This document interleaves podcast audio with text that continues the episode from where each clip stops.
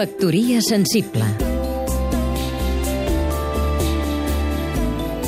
Rafel Vallbona, escriptor i periodista. La comunitat gitana està catrina amb la Real Acadèmia Espanyola. La tan ovacionada 23a edició del diccionari d'aquesta benemèrita casa protectora de la llengua continua acceptant a l'entrada gitano la definició que estafa u obra con engaño.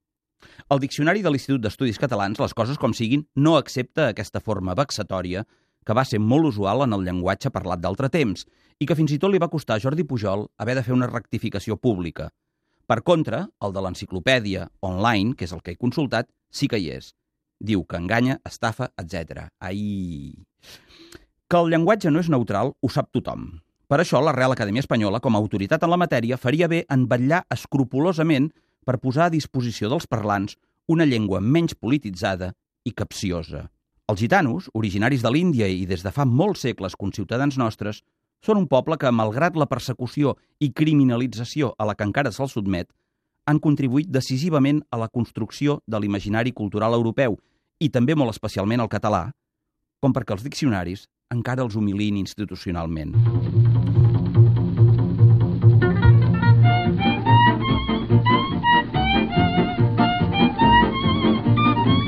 mostra ben actual de la imbricació de la cultura gitana en la catalana és, per exemple, el Festival Internacional Django Reinhardt, que es farà la setmana vinent a Barcelona i l'Hospitalet, dedicat al jazz manouche que va difondre el cèlebre guitarrista i que Catalunya té moltíssims seguidors i estudiosos, la majoria per ser paios.